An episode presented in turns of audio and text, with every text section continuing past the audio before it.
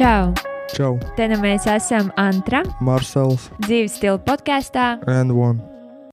Sveiks, N1 klausītāji! Tu esi pieslēdzies, un mēs esam gatavi. Šodien pie mums podkāstā viesojas skaista, daudzpusīga, uzņēmīga dāma.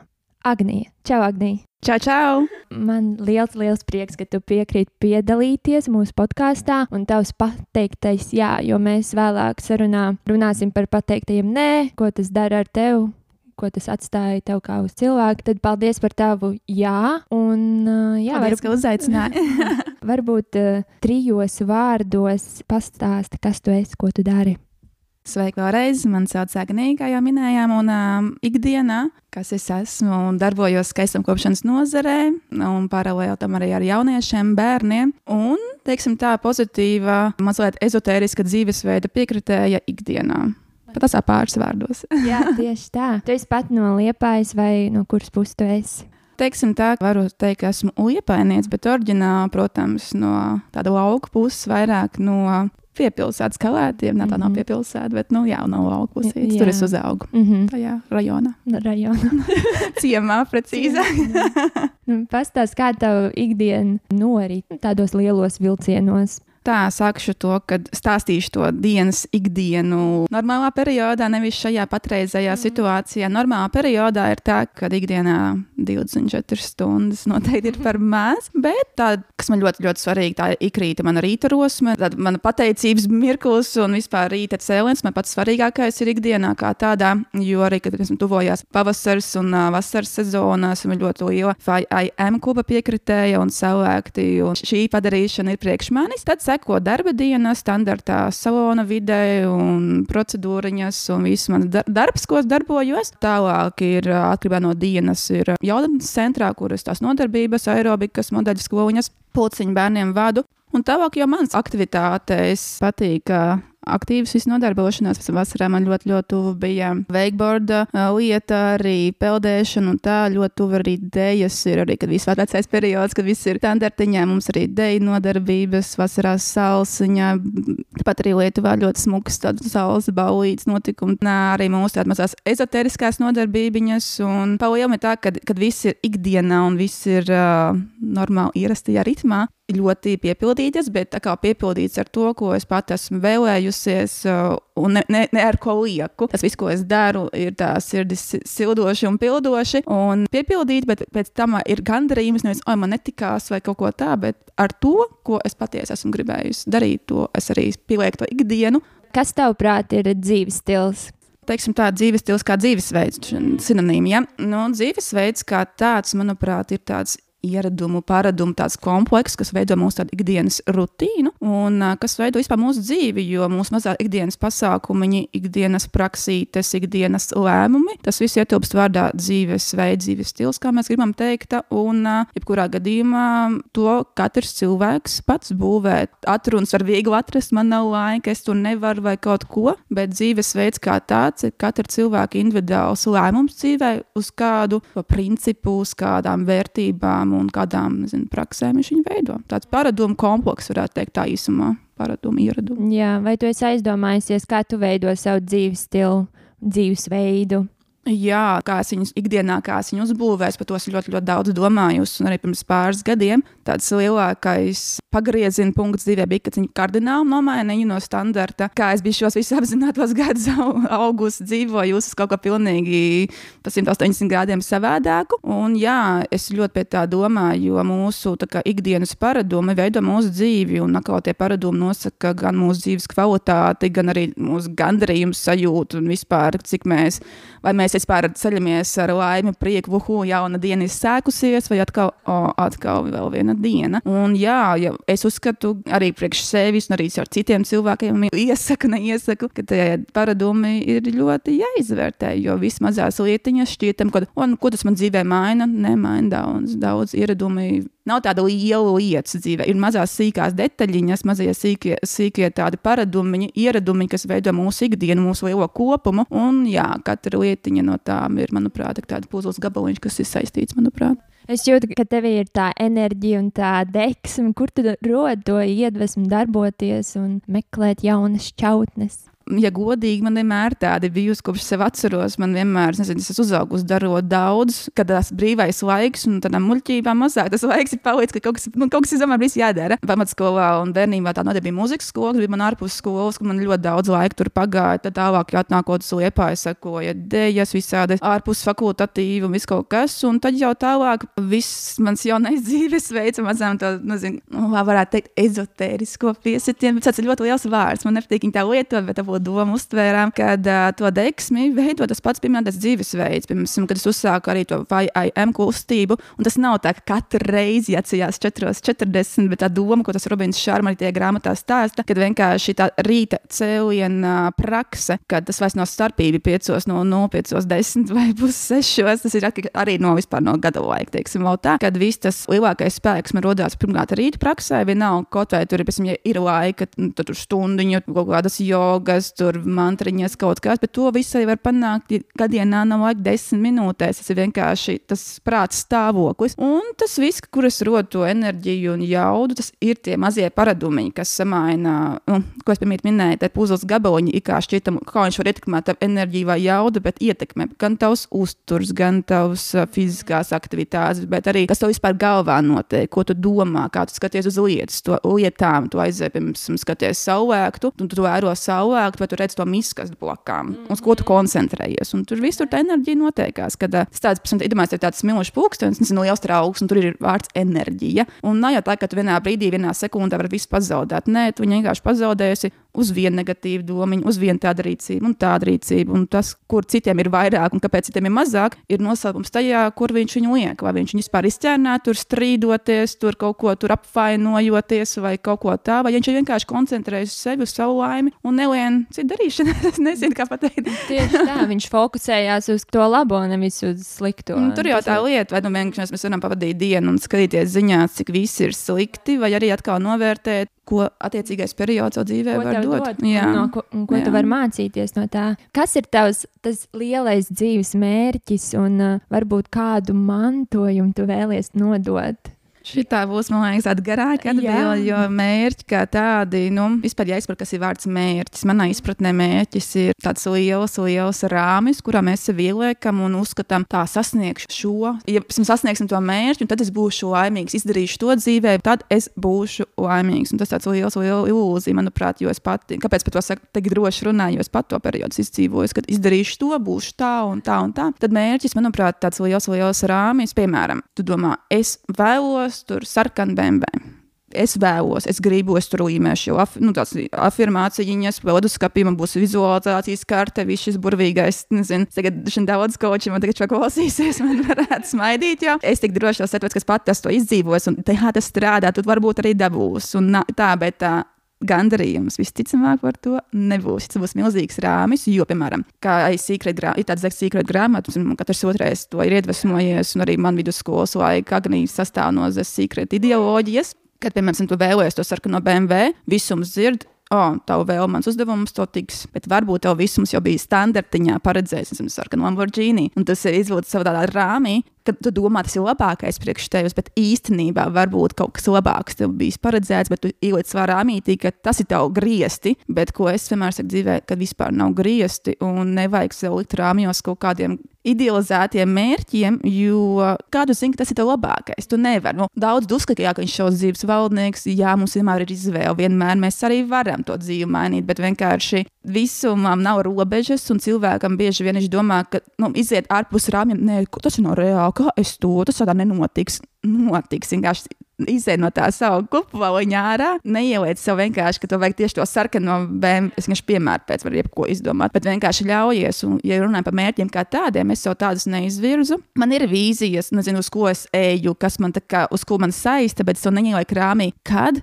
Kas konkrēti es gribu tagad un tūlīt. Tas ir liels rāms, varbūt tev dzīve pasargā, vai, piemēram, arī, piemēram, tagad uh, rudenī, nezinu, būtu, nezinu, kaut ko, piemēram, salonu izdomājis. Es gribu tagad salonu, bet viņš mums nedēva. Paldies Dievam, ka vispār nedēva, ko mēs attiecīgajā situācijā būtu visu darījuši. Piemēram, Atgriežoties pie tā jautājuma par tiem mērķiem, tad es izvirzu nevis konkrēti to, to tādā krāsā, kaut kāda termiņš, kaut ko, bet vienkārši to vēlmi, es esmu laimīga kas pie tā noved, caur kuru ceļu, caur kuru vispārīgi termiņu, tas jau mazliet ir otršķirīgi, jo visums jau zina, ko viņš izdarīs. Tas ir, kad ja mēs ļaujamies, mums visums vienmēr gribam, mēs esam laimīgi. Vienkārši citais cilvēks ieliks savā rāmītī, ka jā, man lika iet, nezinu, IT mācīties, tas ir ienesīgi, būs labs darbs, būšu laimīgs, tāds mans mērķis, un tad būs tas. Bet varbūt tas pat nav tavs ceļš vispār dzīvē. Un vienkārši es pārēju par to, ka uh, es sevi vairs nedaru tā, tādos rāmjos, jo nav tā, ka es neesmu mēģinājis. Es esmu, es saku, es kādreiz biju nezinu, vizualizācijas karaliene, kā es smējos parasti.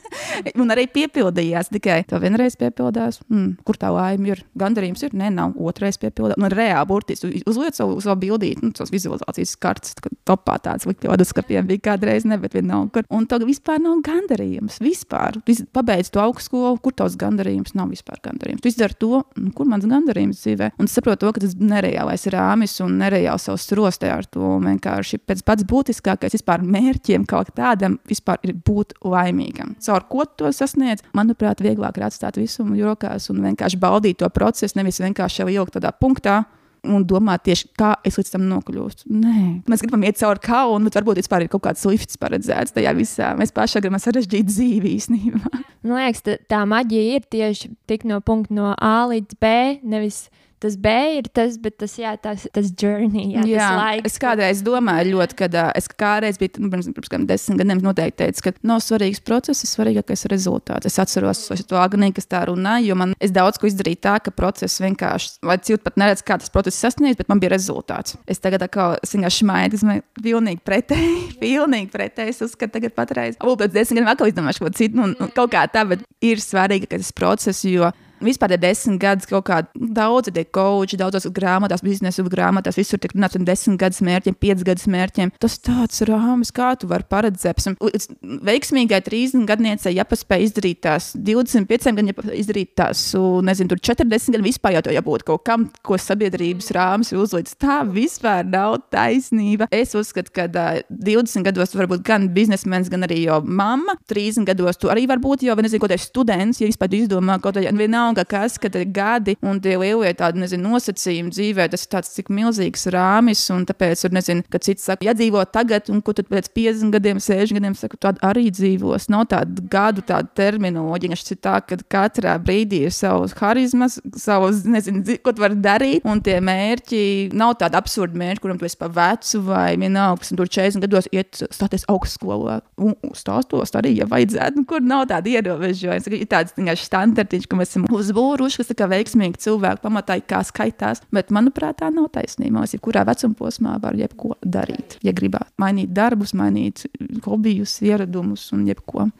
Vārds, jā, ļoti labi. Vai mūsu būtību ietekmē tas, ko mēs darām, kādas drēbes mēs velkam, kur mēs dzīvojam, kādas attiecības mums ir, ko mēs darām? Jā, tu jau nedaudz pieskāries, bet eh, kā tev šķiet, vai tas veido mūsu būtību? Protams, ka mazā, mazās tādas dzīves detaļiņas veido vispār mūsu, palīdz veidot mūsu noskaņojumu, mūsu ikdienas, teiksim, tādu ritējumu. Tas ir katrs un individuāli, bet par sevi runājot, man tās mazās detaļas, gan tā kleita, gan ziedi vāzē, vai vienalga, kur mans rīta cēliens, vai tas saulēkts no rīta. Es šodien nebiju saulē, pastījos, domāju, uzreiz tā diena, nu, tāda it kā sīkums, varēja jau neaizbraukt, bet es veidoju to dienas tādu raivu, jo es saku, ko es pārliecinājusies, ka es domāju, ka tādi tikai lielie notikumi, lielās lietas veido kaut ko lielu, bet īstenībā nē.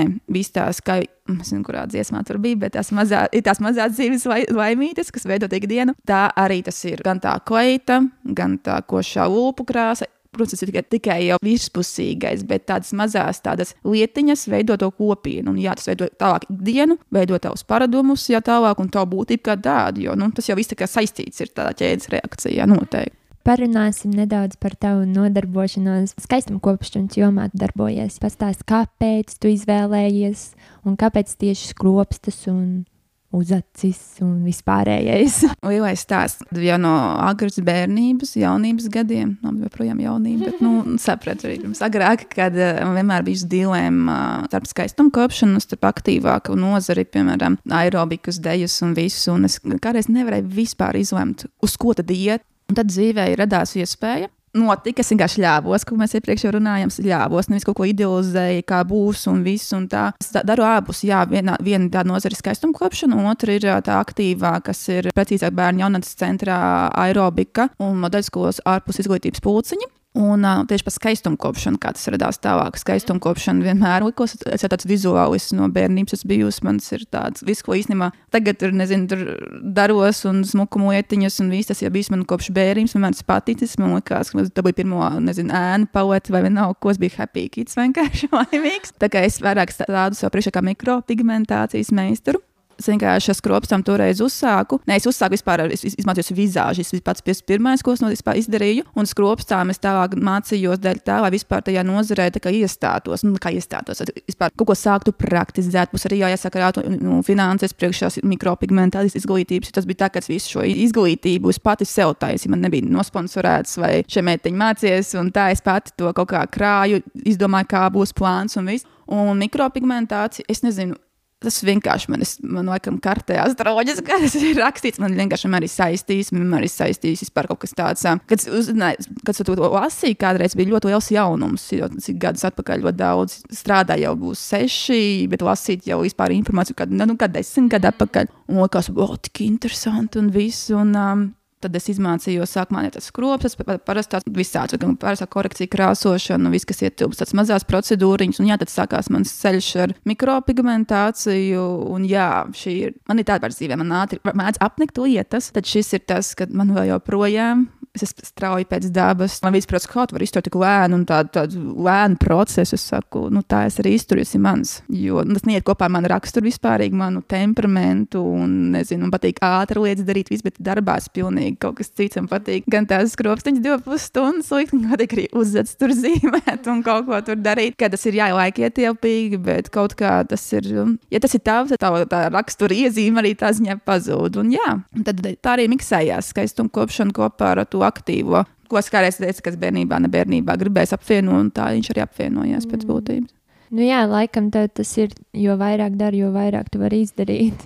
Noteikti. Tas ir, nu, es saku, es tā esmu uzaugusi, un paldies mammai. Es tiešām es atceros, ka viņa man kādreiz teica, kad pienāks rīts, un tu pateiksi paldies nu, par to muzikas skolu. Zini, kā kādreiz tu pamatskolā jau ir ilgas stundas, un tu visi bērni iet tur nu, mājās, tur skatīties televizoru kaut ko, un tu sēdi savā muzikas skolā. Un, uh, un es domāju, kāpēc, kāpēc? Un pienāks brīdis, un pateiks, jā, māma, klausies, ja šis ir tas brīdis, kas man paldies. jo tas iemācīja pirmkārt darīt vairāk. Es vienmēr esmu darījusi vairāk nekā no manas vecuma posma ir prasīts. Un tas ir vien, bijis vienmēr, ka man nav bijis skola mājas, vienmēr kaut kas bija ārpus, papildus. Un, um, Es atceros, ka bija pienācis brīdis, kad weekendos man bija piepildīts mans sapnis, bija kājas modeļu skoliņa, un visi bērni bija atpūsties man no tajā weekendā, un man vest jau ved uz liepāju.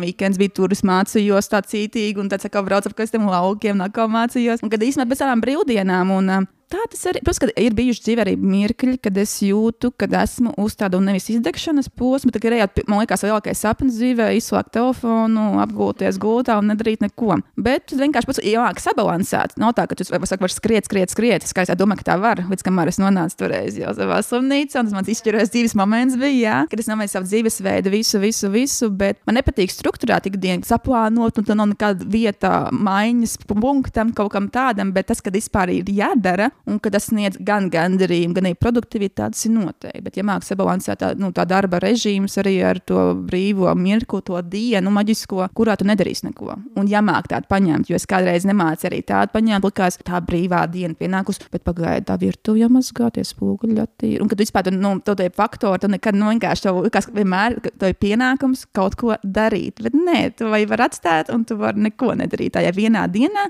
atpūsties, un tad vienkārši nākamajā dienā piecēlies ātrāk, to to visu lietu izdarījis jau pirms sava darba dienas, un viss paspējis. Un vienkārši tu esi sev ļāvis arī attiekt mazliet, jo tas viss slēpjas tādā sabalansētībā, ka nevis visu laiku tikai skriet, bet arī skriet, darīt, bet arī attiekt un atkal darboties. Ko tu spēlēji vai ko tu darīji mūzikas skolā? Es esmu pianiste, klavieres. Projām manas klavieres ir jau atvestas uz liepa. Es viņas atjaunoju, tagad viņas ir tādas ritīgi jau manā Pinterest stiliņā. Kā jā, es ļoti, ļoti priecīgi, kad, ir, ka tāda lieta bija uz bērnībām. Jo tagad ir tā, ka dzirdi smuku dziesmu, kaut ko tu atrod notis. Es zinu, ka mums ir Google pieejama, vispār man tā būtu nekā kādreiz, ka tikai etīža un prelūdija grāmatas mūzikas skolā. Un ka tu vienkārši pasties un tu vari viņus nospēlēt, ko tu vēlies, un tas ir sava veida. Priekš manis tas savā veidā tāda nezinu, meditācija, bet tāds atjaunošanās process, kad vienkārši tāds attiešanās, tāds atpūtas mirklis, kas man ir relaksē. Ļoti, ļoti priecīgi, ka tāda iespēja dzīvē bijusi ka to var darīt tagad. Jā, tas vairāk tā kā dvēselē tev droši vien tādai. Arī nu, saka, man patīk, man patīk, tāda, nezinu, man patīk skaistas lietas, un patīk mūzika, un arī klasiskā mūzika. Man patīk daudzpusīga mūzikas gāmas, kā tāds, bet tieši klavieru mūzika, tāda klasiskāka. Tas ir tā, nu, es bieži vien uzlieku arī darbā vai mājās, pēc tam tādu klavieru, tādu valsīšu vai kaut ko, mm. es nezinu, vienalga. Un tas tiešām tāda sava veida maģija notiek ar mani. Man mm. ļoti, ļoti patīk. Varbūt kas tavs lielākais izaicinājums ir tavā darbā, nu, varbūt tavos abos darbos, sabalansēt to laiku starp tiem abiem darbiem? Izaicinājums tā, no, protams, ir laika plānošana. Cik normālā ikdienā mans plānotājs ir mana dzīve. Es nesaku, ka es to lepojos, jo man, es esmu pieķērusi, ka man viena draudzene no aizējām tur uz dēļu vai ko. Nē, es nevaru jāstrādā. Un, jā, zinu, kā tas ir, bet man cik man tuvākie cilvēki man saprot, jo tagad es māku paņemt kaut kādu brīvo dienu, es viņam veltīšu vienkārši tas jāieplāno. Jā, tā laika plānošanas ir noteikti. Bet izaicinājums vienkārši, es to nesaucu par masku, bet mums visiem ir dienas, kad mēs esam smainīgi par dzīvi, un ir dienas, kad mums mazliet ir jāsmaida, kaut arī mēs negribam. To var saukt dažādi, ja slikti vai ne, bet manā darbā man vienmēr jābūt labdien! Ūdeni. nu, nē, nu, nē nu, protams, jau tāds pats tā, ka klienti tikai ir augi. Un tur arī tā, ka citreiz tev ir mazliet domas, nu, jāmāk kāds cilvēks. Un jā, es esmu to iemācījis, ka darbā kā, citas lietas atslēdz nost, un es to katru cilvēku, es katram no klientam, cilvēkam vēlos dot to labāko agonijas versiju. To, viņam nav jāzina, ka zinu, šodien neizgojos. Es labrīt, kā jūtamies, gatavi procedūrai. nav bail.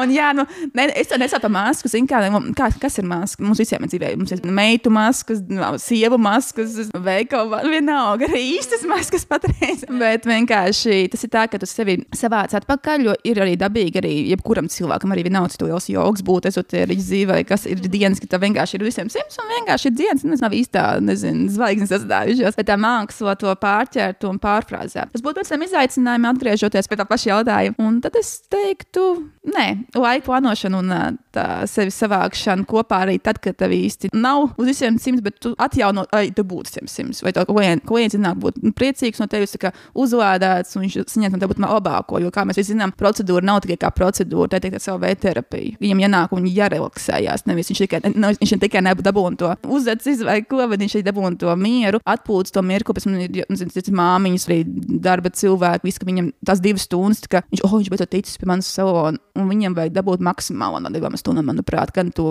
pakalpojumu kā tādu, pusi arī tādu, gan to relaksāciju, ka tu esi nu, apgūlis to kušetu, mantriņu vai to klavieru mūziku paklausījies. Jā, jo, jo es darbā tāds mazās nianses, vai tāds ziedas stāv vienmēr vāzē, viss viņš ne tikai nāk uz to pašu mm, uzacīm, bet viņš nāk kā uz tādu terapiju mazo.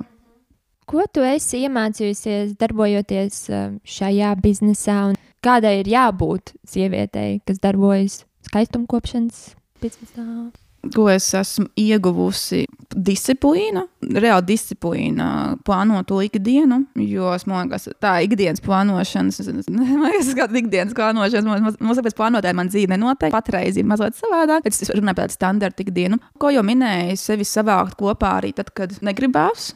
Bet nevis, nevis, nevis to piespiedu kārtā darīt, bet vispār atrast veidus, dabīgā veidā, kā sev uzlādēt. Jo, kā jau sākumā uz kaut kādu jautājumu es minēju, kad mēs varam izvēlēties, skatīties saulēktā to miskastu, kas nav savākt, vai to pašu saulēkt. Un tas ir tā, tā ir mūsu arī enerģētika. Mēs varam, oh, šodien slinkums un sev tā kā žēlot, un, mēs, kā, un viss tā kā būs tā domino efekts, un vien tādu nu, to kabeliņu nogāzīsi, ding, ding, ding, ding, ding, aizies. Un tad ir arī otrā versija, kad mēs tomēr ir smuka dienas saulīt, tad spīd un viss un viss, un atkal līdzīgs, pevāk līdzīgi un tā. Un šis viss darbs ir iemācījis man savākt kopā visu laiku nu, sevis labāko versiju, tādu mazliet, kad vienkārši, protams, ir jau standartā pat dzīve īstenībā ir jau ok, bet vienkārši ir reizes, kad nu tā. Un vienkārši es iemācījos atrast tehnikus, atrast kaut kādus savas prakses, kas man tika ātri apvāc apakaļ. cilvēki ir dažādi. Arī pēc mēs nākās, nu, tāds mazais psihologs ir darbā, tu cerēsi cilvēkam kaut kas uz sirds, un tu nāks viņu uzklausīt. Un tas viss ir iemācījis kā ātri, nelaists, kā kādreiz nemācīs kaut ko tādu sliktāku dzirdēju, un tu pārdzīvo un visu un tā. Bet šis viss gadu, gadu laikā ir iemācījis uzņemt, palīdzēt un kā, atbalstu sniegt arī tam cilvēkam. Bet nelaist tālāk, nedomā par to desmit stundas pēc tam. jā. jā, un tas to būtu iemācījis vēl, kādai būtu jābūt sievietei Sievietei, jā. šajā nozarē. Mhm. Pirmām kārtām, kas māca plānot savu laiku, otrām kārtām, kas māca sev savākt atpakaļ, jo saka, cilvēki ir dažādi. Tad nav runa par skaistumkopšanu vai ko tādu. Vispār, ja tu strādā ar klientiem un vispār tu, ja tu vispār runājies ar cilvēkiem, nav kādā nozarē, to jāmāk būt. Vai tas cilvēks pēc tevis jūtās vairāk uzlādēts nekā tu vēl sagrozījies? Savas problēmas, savas visi jāatstāj malā. To, es, to jābūt tādām daudz nepiekritīšu man, kā es tagad stāstu, bet vienkārši tā jārada priekšstats, ka viss ir kārtībā. Jo tas, ka kaut kas nav kārtībā, tur televīzijās mēs varam atklausīties, rādījā mēs varam atklausīties, bet mums nevajag to negatīvo vēl celt uz augšu. Teiktu, lai šajā nozarē visam kā būtu jābūt vienkārši maksimāli. Mierīgam, ar tādu smaidu sejā. Protams, ka video variantā, kā patiesu smaidu sejā, kad uh, ar mākslu likt labāko no sevis uz āru. Nevis tu dzirdēji tur ziņās, kas notiek, vai kaut ko tādu, bet, piemēram, oh, tas pavasars ir kas, nezinu, maksimāli narcis uz atvēr, nu, labi, saka, rakstos, bet, nu, vienkārši, kad māksla pārvērš to lietu uz to pozitīvo, to arī raisīt sarunās ar klientiem un vispār par dzīvi. Trijos teikumos nevar atbildēt šo jautājumu, bet, respektīvi, to jāmāk būt nest dzīvē, tas labākā versija. Jau sliktāko mēs tāpat varam atrast. Kas ir tavs mugurkauls ikdienā?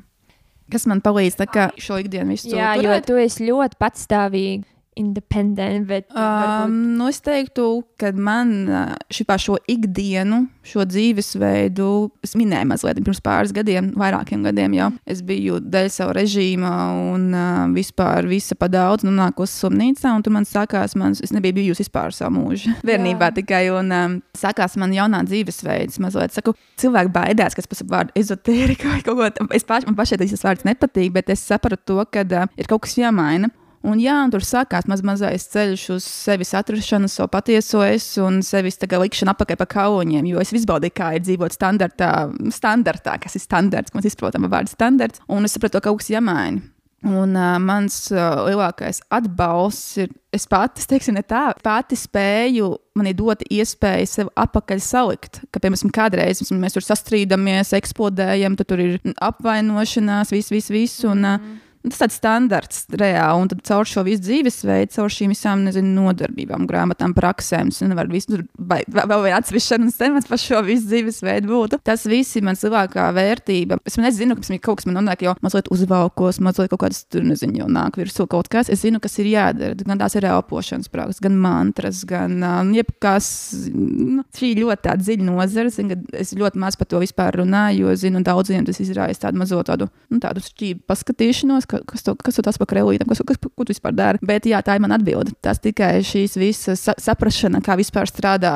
Šis gadsimts, šī pasaule, kas vispār ir enerģētika, kas vispār ir visuma noteikumi, ejot pēc traumi, nevis pret traumi, tas man palīdz vispār darīt to visu.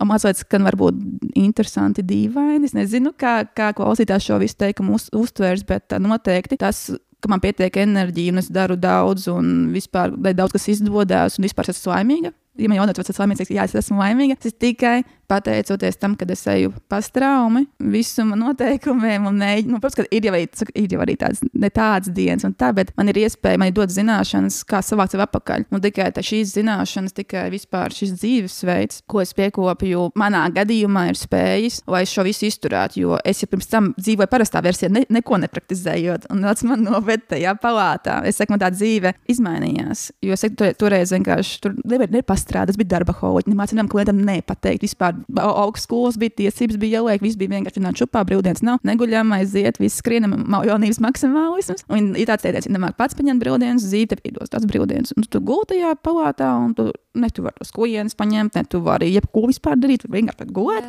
Un es toreiz saku, es skroloju Facebook, un radās mans vediskās astroloģijas, tas tur uh, online kurs, es domāju, o. Oh, Ok, un tur viss sākās. Es iesāku, ielīdu tajā visā, un tas bija tāds, tā, kad es domāju no kauliņa, nereāli strauji nāca visādas informācijas, meistarklāses cilvēki, vispār cilvēku lokus, man ienāca dzīvē jauni cilvēki, tik vienkārši jaudīgi, kas man dzīvi izmainīja un viss. Un, um, Zinu, ka šī tēma rada skepsi daudziem, bet ja atkal pie šī jautājuma, kas ir man tas atbalsts, tad tikai šis dzīvesveids.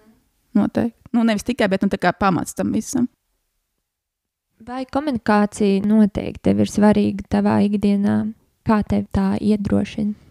Komunikācija kā klientiem? Ar tā? klientiem, ar jā, Noteikti, cilvēkiem. Viss slēpjas komunikācijā, vispār komunikācijā. Jebkurā situācijā nu, jākomunicē. O, es neteikšu, es tur ap, nu, ne, neko bāk paklusēt, ne, jāizrunā. Protams, ka ar attiecīgu to noskaņu, nevis brūkot virsū visu, jo Manā darbā viss ir uz komunikāciju, tam arī procedūra nākotnes tikai tā, es sākumā konsultāciju. Da, da, arī tas daudziem liekas, kas līdzīgs jomas pārstāvjiem. Kāpēc to dara? Laika izšķiešana. Es saku, tā nav laika izšķiešana, bet man klienti iepazīstos, viņiem pastāstu visu, kad reāli tas rada tādu komunikāciju, kā tādu vispār mums ir viss pamatā. Ja mēs mākam komunicēt un sniegt caur komunikāciju, mēs iepazīstam cilvēku. Cilvēku nevar vienkārši šatīties tā, apguļamies un kaut ko taisīsim. Nē.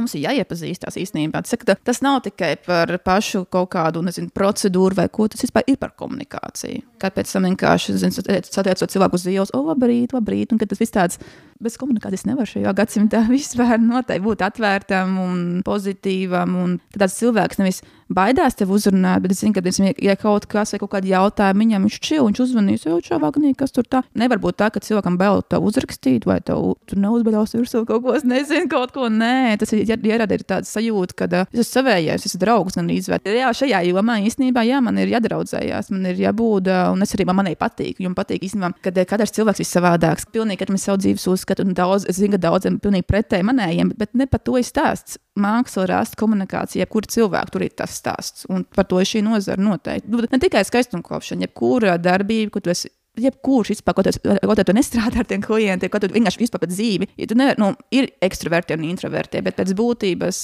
tu nevari bez komunikācijas šajos laikos. Tu pat nevari, nezinu, aiziet uz veikalu, paprasīt preci, tu nevari normāli pasmaidīt un cilvēkam, nu, labi, nu, dienu, vai, vai ja tu man palīdzēt kaut ko tādu, nu tā, tu nevari bez komunikācijas. Un ne tikai šī nozara, bet arī kas komunikācija ir um, daudz kā pamats noteikti. Vai tu esi jutusi spiedienu no sabiedrības vai no, no kāda apkārtējiem cilvēkiem, darbojoties tagad vai kaut kad ātrāk? Varbūt tas spiediens bija, kad tu biji nonākusi slimnīcā, tad varbūt tas bija kā sekas, ka tu biji kaut ko jūti. Šī arī ļoti, ļoti plaša tēma. Jo, kā esat dzirdējuši, nemāku mazos teikumos atbildēt uz jautājumiem, bet spiediens un jā, visu laiku. Kādreiz vecāknī bija tā, jo lielāks spiediens, jo lielāka man azarts, ko izdarīt, pierādīt. Man ir dzīvesveids, kurš izraisa bieži vien skepsi. Kādreiz domāju, es zinu, ka šis dzīvesveids un informācija spētu daudziem palīdzēt, un kādreiz domāju, es visiem palīdzēšu, visiem stāstīšu. Un tāds viens pretī, otrs pretī, gan pretī, un tur runā, kas tur tās, un tas par to agnīt, kamēr tam viens neprasa vispārīgi nerunā par to visu. Un tāpēc ir tā, ka es daudz ko nojaus īstenībā, ar ko es esmu saistīta, man liekas, bet es esmu pieņēmusi to kā spiediens. Daudz, daudz jau, esmu tur nezinu nezinu, tādu pašu rūtīšanos, ko es tagad praktizēju, vienalga, jebkādas man tās darbības ir tā kā, nu, spiediens, nosodījums, nezinu, kā to pareizāk pateikt. Kad es izjūtu to, bet es iemācīsies saprast to, ka kas ir mūsu dzīves noteicējs? Mēs paši. Mēs paši neatkarīgi nenokāpjam. Man lielākā tēma, kuras izjūtas spiedienu, bija, kad no man ir ēšanas paradums kļūstot par vegetārietis, nu, es atsaucos no lauku ģimenes, kas ir bijis zemnieks senniecības standarta, senat bērns, ja, un vis, vis, visām izrietošajām sakām, un tādā ģimenē pasakot, nu, tā, es tagad esmu vegetārietis, un tad, tad klausies, kas tā būs ar dzelzi, kas tā šitas, kas tas, un viss. Un tad bija grūti, bija grūti arī no sabiedrības, bet tas bija, jā, mans lielākais izaicinājums īstenībā, kad jau pagāja tagad gadi, nevienam vairs nav jautājumu, visiem vienalga ir, nevis vienalga, viņi pieņēmuši, vispār man nav vairs. Es arī pati vispār sevi esmu pieņēmusi, es vairs nejūtos slikti to pasakot, jo kādreiz tā, oi, man negribās kaut ko tur, nu, kaut ko tur mēģināja izlocīties, tad tā nebūtu jāsaka, īstenībā, tu kas tu vispār esi. Tā, nu, nu kā spiediens? Nu, cilvēkiem, ja kuram ir darījis kaut ko, ko tas cilvēks pats nedara, vai nepiekrīt, vai nepraktizē, tas būs jau automātiski. Viņam nav taisnība, nu, kad jutīs to, bet tas ir tikai normāli. Bet kas, ko es sapratu, es pieņemu visus viedokļus, visus dzīvesveidus un vispār visus uzskatus, un darot to pret citiem, tas ir apgriezies visam likums, ko dos, nu, ko sēž to pļaus. Tad arī vairāk cilvēku saprot mani. Nevis saprot, bet viņas netraucē man dzīvot, kā es vēlos. Man vienalga, vai viņi pieņem vai. Kas viņiem galvā, bet vienkārši, ka viņi man netraucē saviem. Tas nav pareizi. Nu, es nejūtu spiedienu vairāk vai tā. Katram mums ir izvēle šajā dzīvē, katram mums ir iespēja dzīvot savu versiju. Nu, bet to vispār nav jākaunarējās. Katram ir iespēja darīt tā, kā viņš vēlās. Ja mēs gribam, lai mūsu pieņem, nepieņem, vismaz nezinu, ļauj dzīvot tā, kā mēs vēlamies, tad arī jā. Nedaudz parunāsim par tiem brīvajiem brīžiem, ko tu dari savā brīvajā laikā. Daudz. daudz. nu, tā Atkal daudz. Uh, man ļoti patīk, kad viss bija ierastajās sliedēs. Man ļoti patīk, kā saka, tās deju nodarbības. Mums ir nu, draudzene, kas arī ļoti, ļoti dejo. Un uh, bieži vien mums ir tāds meistarklasīts, brauc no Rīgas, mums mācīt Un, uh, tas man ļoti tāds, tāds aktīvais. Man ļoti vasarā patīkās ļoti veigu, veigoju. Tad kā uh, vispār kaut ko aktīvu darīt. Teiksim tā. Tagad ziemā manas uh, ārpus uh, vispār ikdienas, tāda nekdienas, bet tāds pasākums ir rūdīšanās tēmas. Man arī ļoti, ļoti jau ir sirdī tāds tuvs palicis tāds procesiņš kur atkal jau atgriežas iepriekšējā tēmā, vārds spiedienu arī izjūt jau visu tur. Ak, nī, taču un tā un šitā un viss. Ja māk jau savu nokoncentrēt, ka pats zini, ko tu dari, un citiem, citiem ir tiesības domāt, ka es daru nepareizi, bet nu, tu jau gan es pašam saprotu, ko dari. Tas, uh, es teiktu, man, man daudz ko patīk. Man patīk lasīt grāmatas, man patīk spēlēt klavierus, rūdīties un dejot, un vispār man patīk arī Nedarīt neko citu reizi. Vienkārši apgūties. Es te smējos. Es esmu no tiem cilvēkiem, kam, piemēram, nav pēc tam vasarā, kad, nezinu, saulīt spīd. Viss man patīk vienkārši paļāvā apgūties un skatos mākoņos. Un cits smaidziņš, ko tādu pasaka, bet man reāli patīk. Bet nu, tas ir savu reizi. Bet arī tikpat pretēji man patīk ļoti arī aktīvi, aktīvi kaut ko darīt. Bet arī nevar nedarīt neko. Vienkārši kā tu tajā brīdī, kas to prasās. Tā daudz ko. man interesē par to ziemas peldēšanu, mm -hmm. kā tas aizsākās, tā rūdīšanās bija tā, ka uh, es bērnībā, es ar manu māmu braucām uz Liepāju. Tur gājām gar jūrmā pastaigāties, un tur citi gāja tur peldēt uz kustībā, pat rokiem. Tas sīki ļoti bija, nezinu, maz gadiņi. Un man nebija mazākā doma, kas var kaut ko tādu darīt. Jo, nu, kā tu jau uzauc ar kaut kādu rāmi, kad uh, ja tu dzīvā neapģērbies, tad tu saslimsi, ja tu neuzvelc to šaubu, tad tu saslimsi. Nu, tev iestāsta, ja iestāsta kaut ko, kad vispār augstums ir slikts, kad vispār, nu, nezinu, ja tu nebūsi silts saģērbies, tad būs automātiski tas, tas, tas, un tas tāds placebo efekts. Tu tam to uzauc, tam tici, un tā to ej domā.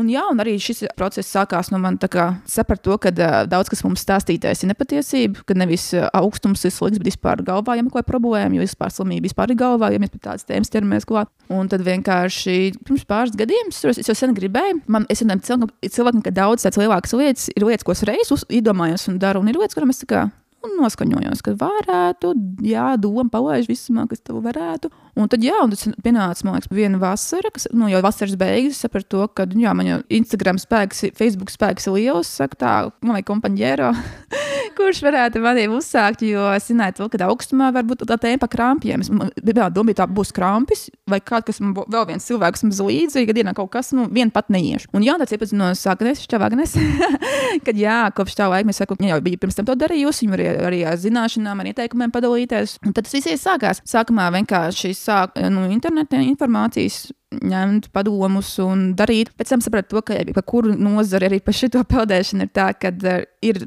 tēma, un katrai savs skatu punkts. Viens teiks, ka tā ir pareizi, viens teiks, ka tā ir pareizi, ja par ko mūsu runās, gan par uzturu, vienalga par ko. Un es sapratu, ka paši ietestēja un uh, sāku vispār darīt tā, kā es uzskatu kā man liekas, kā es jūtos. Un tas tāds mazais, tāds, nezinu, atkarīgi negluži, bet uh, tu saproti, cik tas ļoti enerģētiski, tāds uzlādes, neviena kafija, nevienas vispār nekāda, no, nu, pēc tam, ja mēs runājam par kaut kādu rīta rosmi, ka jebkurā, tu izskriet ārā krosiņā, jau būtu jaudīgi, bet tā peldēšana, tagad īpaši ziemā, tagad šī pirmā tāda kārtīgā ziema, pagājušajā gadā neskaitījās, nekas nestāv klāt tai sajūtai. Pilnīgi nekas. Un tas vienkārši saprot, ka tas ir tāds degais drāvis, tāds klāt, un tu vienkārši nu, tu patīk. Un tu vienkārši arvien vairāk centies neklausīties apkārtējos. Ja tam daudz, man ir, nu, māma ir pieņēmusi, bet ir tā, ka, zinām, krusmā, nu, griež sāk nīprāt. Zinām, ir atkal to vecais rāmīns, kad augstums ir slikts, neuzģērbs pufei būs slikti, un viss ir slikti. Un tu vienkārši tāds viss arī salikās un arvien vairāk praksīts, un viss, un tagad nu, sapratu to, ka tā, es gribu saprast vairāk to visu, nevis tikai tā kā.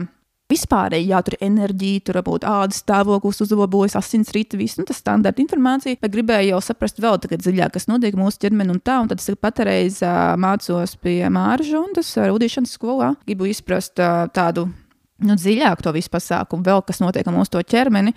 Tas viss, ko es jau biju sapratusi, tā, tā arī tas tiek aprakstīts, un vienkārši man patīk viens teikums, ka augstums nav vainīgs pie kaut kādām slimībām. Tas ir vienkārši viņš apraksta to, kad vispār, ir, kā mums vispār viss jau ir izmainīts. Pirms, kad ievelk tās čības un ievelk viss, kad īstenībā, kur palikuši basās kājas, mums ir tāds atzemēšanās pavasarā, ka vispār, nu, man vienmēr patīk pēc vasarā basām kājām staigāt. Un gājis, Agnī, uzvauc zeķis, ne, bet tās čības kaut ko, un tas viss jau uzauc, un ķermenis pierod, un ja mums ķermenis kaut kā pierod, tad reāli viņš jau vairs mums nepalīdz īstenībā. Bet īstenībā visas pašas fundamentālās lietas agrīnās pirms daudziem gadiem, gadiem kad bija tās plakāku kājas staigāšanas bērnībās, viss, tur arī viss rodās. Ja tu pēc tam uzaudz ar to visu, tad reāli tur vairs nesaudzot savādāk nekā no mūzikas, kad satuntojies, tu bērni pat neizlaids, bija šī pasaule, ko, ko es pēc saprastu, jo es arī kādreiz atceros visu, taču reālos bērnus, visu, visu, visu, kā ārā gulēt ziemā. Mīnus, taču bija kādreiz bija ziemas, atceros, atceros pat, kad bija tāds satuntojot un varēja gulēt kaut ko. Un uh, tur jau te par to augstumu, kad augstums viss cits var neuzlikt to šauju vasarā jāņos un var saslimt. un cits iet tagad mīnus, cik grēdos un nekā nav. Nu, tas ir stāsts, ka tas viss ir galvā. Un, jā, mazāk klausīt apkārtējos. Ne, nu, līdzīgi domāju, es nesklausos, kas arī to pašu dara, bet tā, kas nedara un viss. Un, jo, nu, es jau zinu, kā mums ir pat jāspriež pēc savas prizmas kāds ir mans pierādījums, pirms man visu to dzīvesveidu vainot, pēc tam citi jautā, kāds zina, ka tā ir pareizi. Es saku, es nezinu, ka tā ir pareizi, bet es, es spriežu pēc tam, kā es jūtos. Piemēram, es, ja kādreiz ziemā bija standartiņš, terafūņš, nu, vienmēr bija savā ibumetīns un viss, tad reāli kopš šī dzīvesveida neesmu vienu tapotni arī likusi, nevienu aptiekas tabotu. Un tas ir mans personīgais pierādījums, tā ir atbilde. es nesaku, ka tas visiem dara. Es absolūti nevienu neiedrošinu. Es nevis, vienkārši katram ir jāizsaprot, vai tas ir viņa vai nav viņa, bet es vienkārši dalos savā pieredzē. Un nav kur garants, ka būs otram tāda pati pieredze, bet es vienkārši stāstot savu pieredzi, stāstu, tad, kā, kā man tas izmainīja manu dzīvi. Un tas ir no rītiem, jā? Katru rītu vai? Peldēšana, nē, ziemā, nē. Ziemā tā ir reizes, divreiz nedēļās dodos. Ok, varbūt būtu savādāk, ja man tā ūdens tilpne būtu mazliet tuvāk, jo vispār izaicinājums, teikt, nevis iet nopeldēties, bet vispār aizbraukt. Jā, kur tu brauc? Ziemā ir tā, ka tagad ir beberoņos, jo tur ir vienmēr entuziasti, kas arī tur dodas un to auliņu palīdz izcirst. Tas man nav jādara, jo tas vispār bija šī pagrūts, nav tik viegli. Esmu mēģinājis arī uz jūru, bet jūra ir tā, ļoti prātīgi. Es tagad pārsēdzu bijusi, tagad ziemā jūrā, bet tur ir tās traumas, tur, nu, tur, tur jābūt jau ar pieredzi. ir jāzina, ko tur dara, jo, piemēram, tīpaši, piemēram, karos, pludmalēs, visu, tie akmentiņi apakšā un viss, un tās traumas. Es, ir, ir bijis tā, ka, ej, noskat, ka, nu, viņš ir tāds krampis ir un nāk tās traumas, domāju, tā, labi, kad vēl, kad vēl, vēl kāds cilvēks līdzi, jo, jo ir mazliet bīstami. No tā, ka es esmu neprātīgs. Viņš domāja, ka es daru. Un tā, bet ir beberliņa. Ziemā norības, un tās domas dalās. Cits saka, katru rītu, un tā, ka labāk es saku, nu, ja, tāpat, ja jūt ķermenis ir, jo, piemēram, lausis, o, šodien jūt, ka, nu, galīgi nevar iet, tāpēc, ka, ja iet, ir nē, es tā nedaru, ir jājūt. Ķermenis tos, un īstenībā, ja mēs klausāmies sevī, nevis ka prāts, oi, slinkums ir kaut kas cits, bet īstenībā ķermenis mums saka visu priekšā. Bet tā kontrasts dušas, tas gan ir katru dienu pasākums, un es teiktu, tas ir lieliski arī strādā. Ja man prasītu, kā es ieteiktu uzsākt, es teiktu, kontrasts dušas. Ja tu, ja tu vari spēt atgriezt ar savu prātu to roku, to augstu ūdeni, tad spēsi iet auliņģi. Ja tu nespēji atgriezties, tad ir augstās tā roka, tad nu, tik viegli. Tu esi rītpersona. Jā, jā, noteikti. Man ir tā, protams, ka ir izņēmumi. Viss tāds liels stereotips, ka visi domā, ka katru dienu, ne man arī izņēmumi, ne mēdz būt pasākumi. Ne patreiz tik ļoti, bet visam normāli ikdienā ir arī pasākumi, kaut kas, kad sākās iet vēlāk gulēt, un es vai vēlāk pieceļos, ir normāli. Tas nav tā akmenī kaudzes, bet tā vispār es labāk jūtos, laicīgi ejot gulēt un ātrāk celt. Ja, ja, ja, ja jāmaina vakar stundas darbībai vai rīta stundas, labāk ir gulēt ātrāk un no rīta ceļos un darīt to, ko es domājis, kas vakarā darīšu. Nevēl tāds teiciens arī uh, rīt stundē zeltmutē. Es noteikti to, nu, noteikti arī, piemēram, pēc visiem, tam arī ir pamatojums arī rakstiski, arī grāmatās, bet ne par to izstāst, bet pats ar saviem saka, ne visiem tas ir domāts, pamēģiniet, bet es pamēģināju un man tas aizrāva. Yeah. Noteikti. Epizodes sākumā es teicu, kā Agnija man teica, jā, jā, šī sarunai, bet kā tu sadzīvo ar pateiktajiem nē? Kā atrast varbūt, līdzsvaru? Es kādreiz nemācīju pateikt, nē, daudz maz cilvēkiem šī tāda mazā 21. gadsimta problēma, viņi, kad viņš ir aizvainot vai kaut ko.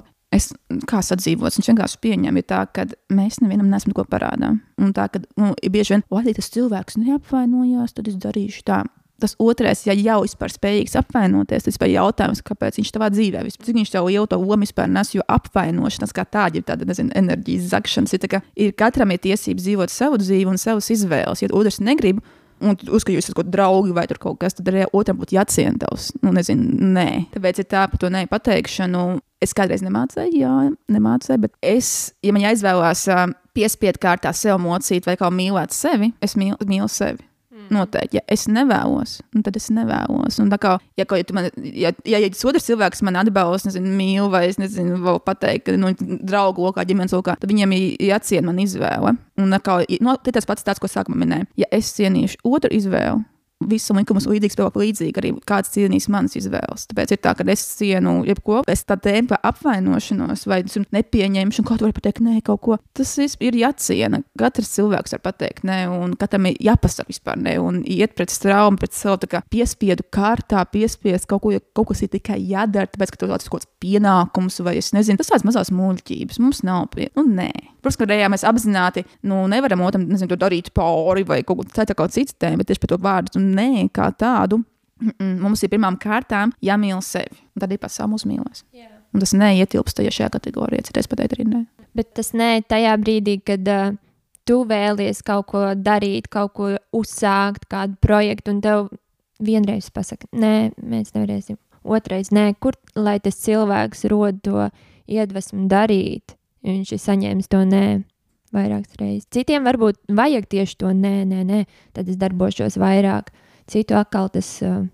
Jā. Mm, te ir divi atbildžu versijas. Es tagad teikšu par savai versijai, vispār kā es uztveru, kad mums kaut ko dzīvē vajag vai nevajag. Un tas teikšu otro versiju, kas ir tāda standarta. Ir tā dzīvē, kā cilvēks izdomājas, es gribu to, šito un to. Tāds mērķis, ko mēs sākumā minējām. Kā man ir? Piemēram, kā, kā es zinu, kas man dzīvē ir lēmums vai kas man dzīvē nav lēmums. Ok, viena versija, mēs varam iet pie profesionāļa, astrologa un viņš, ja ticam, kaut tā būtu tēma, es ticu, es pazīstu. Otra tēma vienkārši, kad, kā mēs varam zināt, ka mums dzīvē kaut kas ir lēmums un ka mēs ejam pareizo ceļu, vai tas notiek gudi. Jo lielāks aizķeršanās, jo vairāk šo nenot, kā nezinu, sponsoriem vai vienalga kaut kā, tas nav tavs ceļš. To, no, tāpēc ir tā, ka citreiz man ir tā, ka tikai iedomājos kaut ko, un mistiski saliekās vienkārši nu, tā, un jāatsimans. Un citreiz arī Agnija izdomā kaut kā tā, varētu tā, tā, tā, un kaut kā pat, tu pat mēģini iet tos, pats jau meklē, nevis ļauties, ka tev visums dod kaut kādu iespēju, tu jau pats sāc meklēt, un kaut kā vispār nesanāk. Tad saproti to, ka nav vai nu īstais laiks, vispār nav tavs mērķis, un tos tik daudz reizes pārbaudījusi to, ka nebija īstais laiks.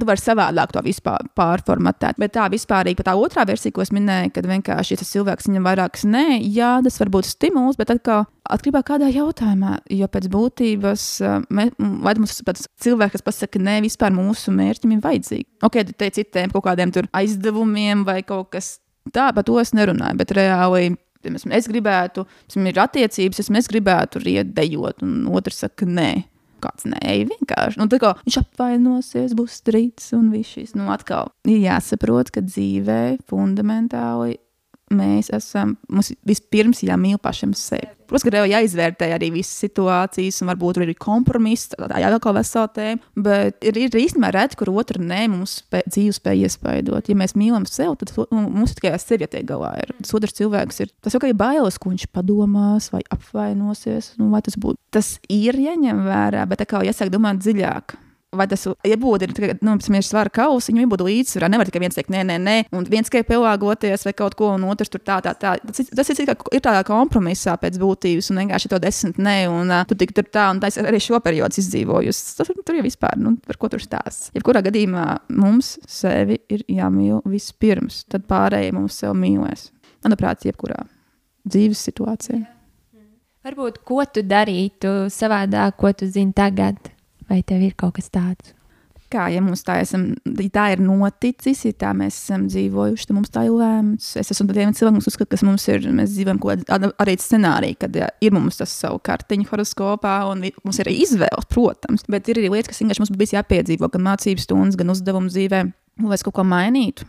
Es kādreiz, vēl pirms savā jaunā dzīves, noteikti mainīt šito, darīt tā. Nē, jo viss arī šķietam tādas sliktās lietas, kaut kādas neveiksmīgas. Tas, ja mūs veido par cilvēku, par personību, pieredzi vispārīgi. Un, vai kaut ko mainīt, es teiktu, ka nē, jo tā ir mana pieredze. Arī nonākšana slimnīcā bija mana pieredze, arī vecais dzīvesveids ir mana pieredze. Jo, ja man kādreiz teikt, pirms desmit gadiem, Agnija, tu būsi tā, tu darīsi šitā, un kaut ko, nezinu, tur, nezinu, jogas poza, un tā es īstenībā smietos. Es domāju, ka es nopietni nevaru nosēdēt mierā vispār 5 minūtes.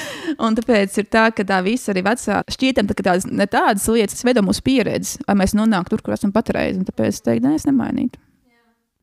Kur mēs varam tevi atrast sociālajos tīklos, un arī kad būs atvērti saloni, kad mēs varam doties pie tevīm. Es nezinu, kad būs atvērta salona, to mums pateiks ziņās reiz. Bet, kad būs, tad noteikti, jā, es esmu, es, es esmu gan Facebook, Instagram, vairāk es aktīvāk esmu Instagram. Man ļoti patīk šī platforma. Tur arī varam uzmeklēt gan privātais konts, gan arī darba konts, Ocean Mors. Bet kad, nu, cerams, ka drīzumā ik tie sekojam līdzi likumdošanai, un tad jau mēs zināsim, kad. kad. Tiešām tavs Instagrams ir skaists. Paldies. Fotogrāfijas, jā. Jā, tā man aizraušanās. Jā, bērnībā lielākā dāvana bija, kad uzdāvināja kādu nu, 36 kadru filmu. Viņa. Likās krūtākā lieta ever. Jā, bet jā, tā, lieta arī tāds mazais, tāds, nezinu, vizu, tāds pa dzīves vizuālis. Man bija kādreiz tā testi jāpild, bija tur kinestētiķis, vizuālis, audiālis, bija visiem tā, nu, kādās mācībās tur bija. Un man vienmēr bija vienkārši, citiem bija kaut, kā, kaut cik vēl vienādos, tur daudz maz, tur starp audio un, vi- un vizuālo un visu man bija izteikti vienmēr procentuāli vizuālis. Un tā fotografija arī tā, tāda savu veidu mazā ilūzija. Man vienmēr tas ir paticis. Es kādreiz par to domāju, izaugšu un kaut kāds tā kā bērnišķīgi, ne bērnišķīgi. Nē, tas man, tā ir mana aizraušanās, tā ir mana hobijs. Tas Man, man patīk, un tāpēc tā, bet es pieņēmusi, ka nevis tā kā kaunējos, ka man patīk, bet nē, man reāli patīk, un es par to nekaunos. Lielas paldies! Lielie jautājumi ir beigušies.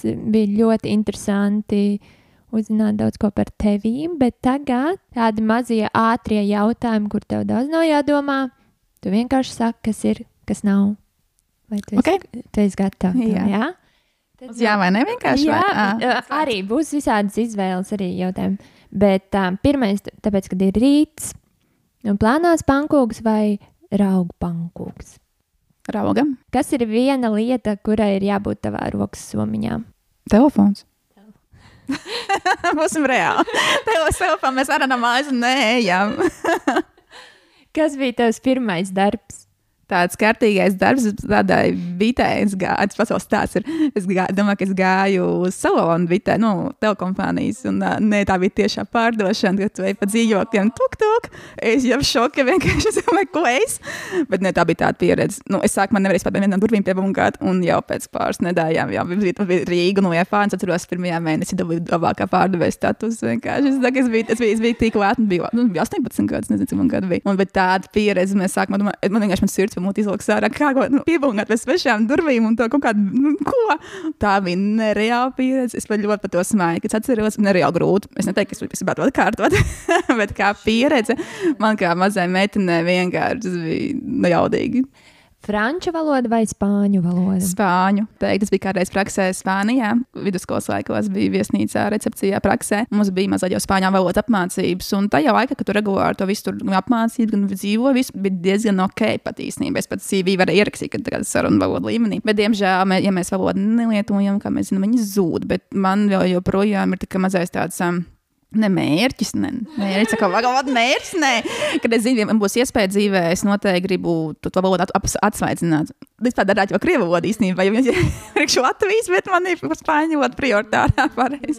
Ja man ļoti, ļoti, man ļoti spāņu, spāņu dziesmas, mans, mans mīļākais tāds izpildīts ir Marks Antonijs. un Es vienkārši skatos tos klipus, un man jau, man jau ir sajūta, ka es jau varētu no tiem klipiem jau vieniem mācīties. Man ļoti patīk, un vispār Spānija kā tāda, nu, liekas, viņa tas dzīvesveids, viņa bauda. Viņi bauda dzīvi. Viņam ir pārtraukums, tās fiesta. Viņiem ir fiesta, un nekāds darbs var pagaidīt, bet viņiem viņi bauda dzīvi. Gan kā valoda, gan kā kultūra, gan kā visu. Un es domāju, ka gan, gan man, gan vispār cilvēkiem, gan vispār Latvijai vajadzētu pamācīties no viņiem, jo viņi bauda nevis kā dzīvo un skrib, viņi bauda dzīvi katru dienu kā svētku. Un tas ir man, arī mana ideoloģija, ka katra diena ir svētki, katra diena ir, nezinu, no īstā diena vilkt to kleitu un nes no skaistiem traukiem katra diena. Un viņi to, man liekas, ideoloģiju pārstāv ļoti. Komēdija vai šausmu filma? Komēdija. Es nesu to šausmu filmu. Vienā vārdā pasaka, kāds bija tavs pagājušais gads. Jaudīgs. Ļoti jaudīgs. Ļoti, ļoti jaudīgs. Kur tu atrodies tagad? Arī vienā vārdā. Šeit. Nedaudz par modi, nē, bet nu jā. 90. stils vai eh, 2000. gada sākums? 90. Kāds apģērba gabals mums jāatstāj 2020. gadā? Ko šovasar varbūt vairs negribētu, lai vilkt. Mm -mm. Man es nesaku tik ļoti līdzi. Man, man ir galvenais, lai skaisti izskatās. Kafija vai tēja? Tei. Vai tu vēlētos būt brīva vai, vai būt drošībā? Būt brīvam ir būt drošībā. Mm -hmm. Salds vai sāļš? 50, 50. Vai Par ko tu vēlējies kļūt bērnībā? Modelē. es atceros, ka jau zīmē skolā šī te, kas būs nākotnē. Visi, un visur ugunsdzēsēji, tur skolotāji. Es nezinu, kas man bija galvā. Es zīmēju modeli. Un es man bija ļoti liels periods, kad es to pārdzīvoju, jo es neesmu nepietiekami gara nekas, bet man ļoti patīk fočēties. Bet uh, tas ir tikai bērnībā. Tev mīļākā pilsēta un kāpēc?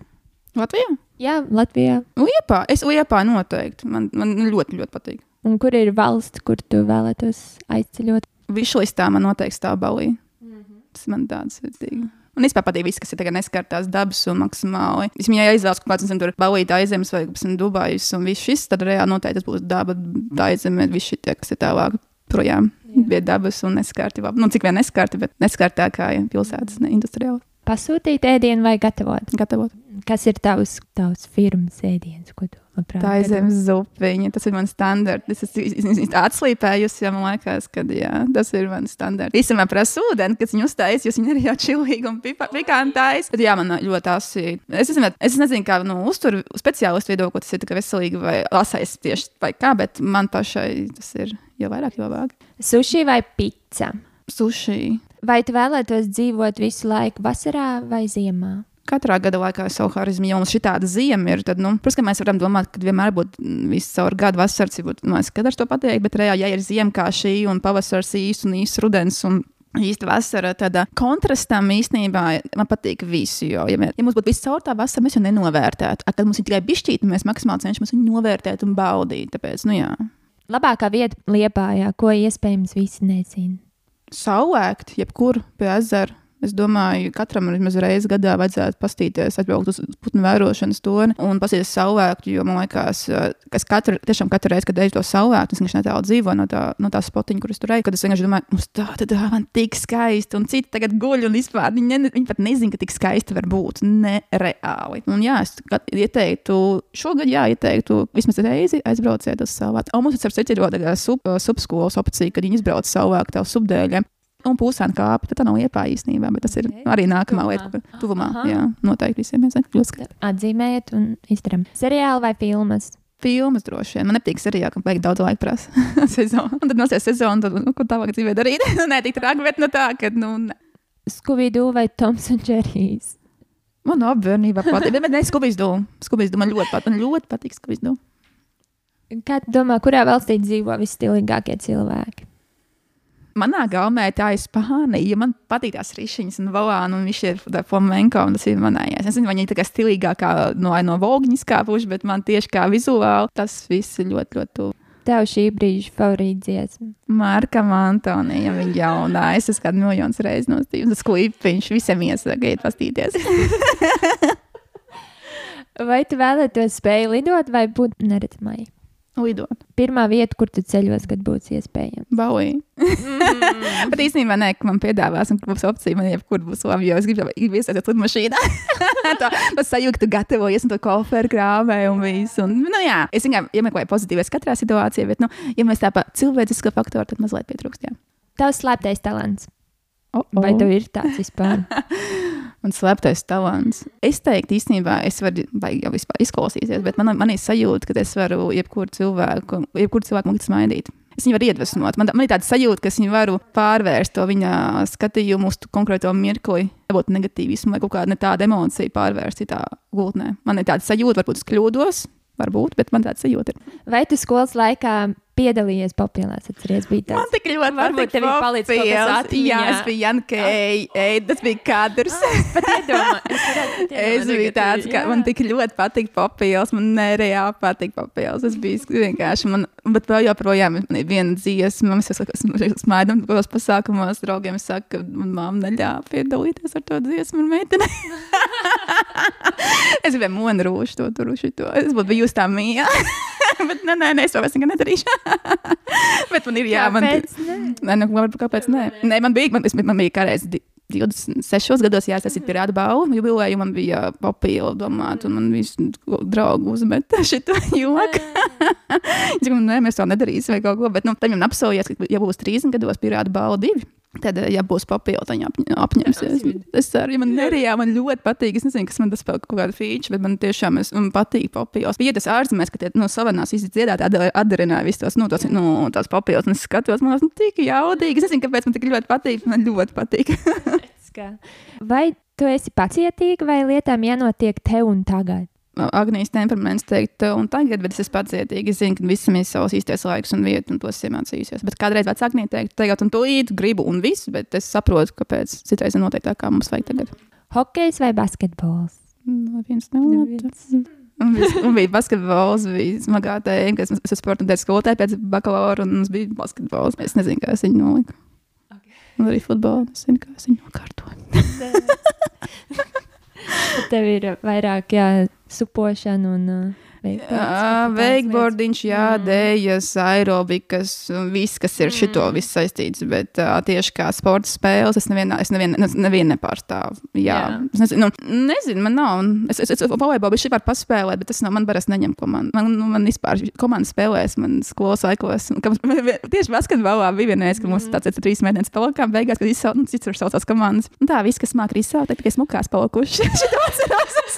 Es saprotu, nu, reāli, nu, tā bija sorijas. Ne, nevis tā, ka es tur atsojos kaut ko, bet vienkārši man, tas nebija mans. Es nebija tā, ka man bija bail kaut ko tur, nezinu, atlaust kaut ko, bet nu, nesanāca, nu, ko darīt. Katram savs. Kur jūs notikums darbā? Ir atgadījums bijis. Ir dažas nestandarta situācijas, kā kurjos. Tas, ka, nezinu, tur piemēram, pārakstu, nezinu, tur nevis šito mēnesi, vai bet vienu mēnesi priekšu ar pierakstu, bet tas nav kurjos. Tad, tad vienkārši sanāk nožot kaut ko tādu. Bet kurjos, man es padomā īstenībā kaut kas tāds, tāds, tāds, nu. Nenāk, nenāk. nenāk, nenāk jā, uzreiz. Nevar uzreiz atcerēties. Darbs ir darbs. Jā. Darbs ir darbs. Darbs, darbs nav kuriozi īstenībā. Darbs ir dispavatēva. nu jā, ātrie jautājumi man ir izbeigušies. Tu tiki ļoti labi galā ar tiem. Man patīk, jā. jā. Varbūt vēl kādi pēdējie vārdi, ko tev no, novēlēt mums radījumu klausītājiem. Mīliet sevi, baudiet dzīvi, uztveriet dzīvi kā katru ikdienu, kā svētkus, baudiet tos kā arī svētkus. Jo šodien ir īstā diena, jo šodien ir īstā dzīve, ne vakardiena, ne rītdiena. Un baudiet to dzīvi. Nevis kaut kad izdarīšu to, un tad es neaizmirstu šo nākotnes formu. Protams, ka iedzīvo arī šī doma, ka tā nākotne būs, bet īstenībā dzīve ir šeit un tagad. Pieņemiet savus lēmumus, savas izvēles, savas darbības, tūlīt, nevis pirms pēc mēneša iet, skriet krosiņu, bet iet maksimāli tūlīt. Nu, tā kā ķeriet to dzīvi, baudiet to dzīvi, nepārmetiet, nešaustiet sevi. Vienkārši apzināties to, ka vienkārši viss tāds ir tāds mazā tāda spēlīt, mazais tāds ir īstenībā. Un jo mēs pozitīvāk un vieglāk uz to raudzīsimies, jo mums tā baudpilnāka tā ikdiena un dzīve būs. Iet pēc kūkas šodien. Agnē, liels paldies! Šī bija tava pirmā podkāstu. Jā, pirmā pieredze. Pieredze ļoti labi. Es paldies. domāju, ka. Um, aiciniet vēlāk divus podkāstus. es noteikti gaidīju tev atpakaļ arī jau pēc kāda laiciņa. Jā, ļoti labi. Paldies! Ļoti labi, labi, liels paldies! Un uh, lai tev skaista diena! Tev tāpat! Paldies! Tad tā. Nu, tā nu mēs esam pietuvušies šīs epizodes izskaņai.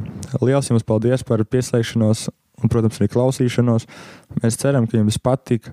Turpiniet klausīties arī turpmāk mūsu podkāstu And One jaunu epizodi katru otrdienu.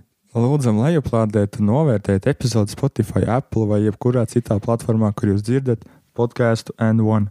Protams, sekojiet mums arī sociālajos tīklos, kā Instagram ar nosaukumu N1, viens podkāsts, tāpat arī Twitter un Facebook. Sūtiet mums ziņas, jautājumus un ieteikumus uz e-pastu podkāst.n1 gmail.com, kā arī sūtiet ziņas, ko jūs vēlaties izjokot, un mēs ar tevi sazināsimies. Paldies! Tie esam mēs podkāstā N1, Antra un Maršals.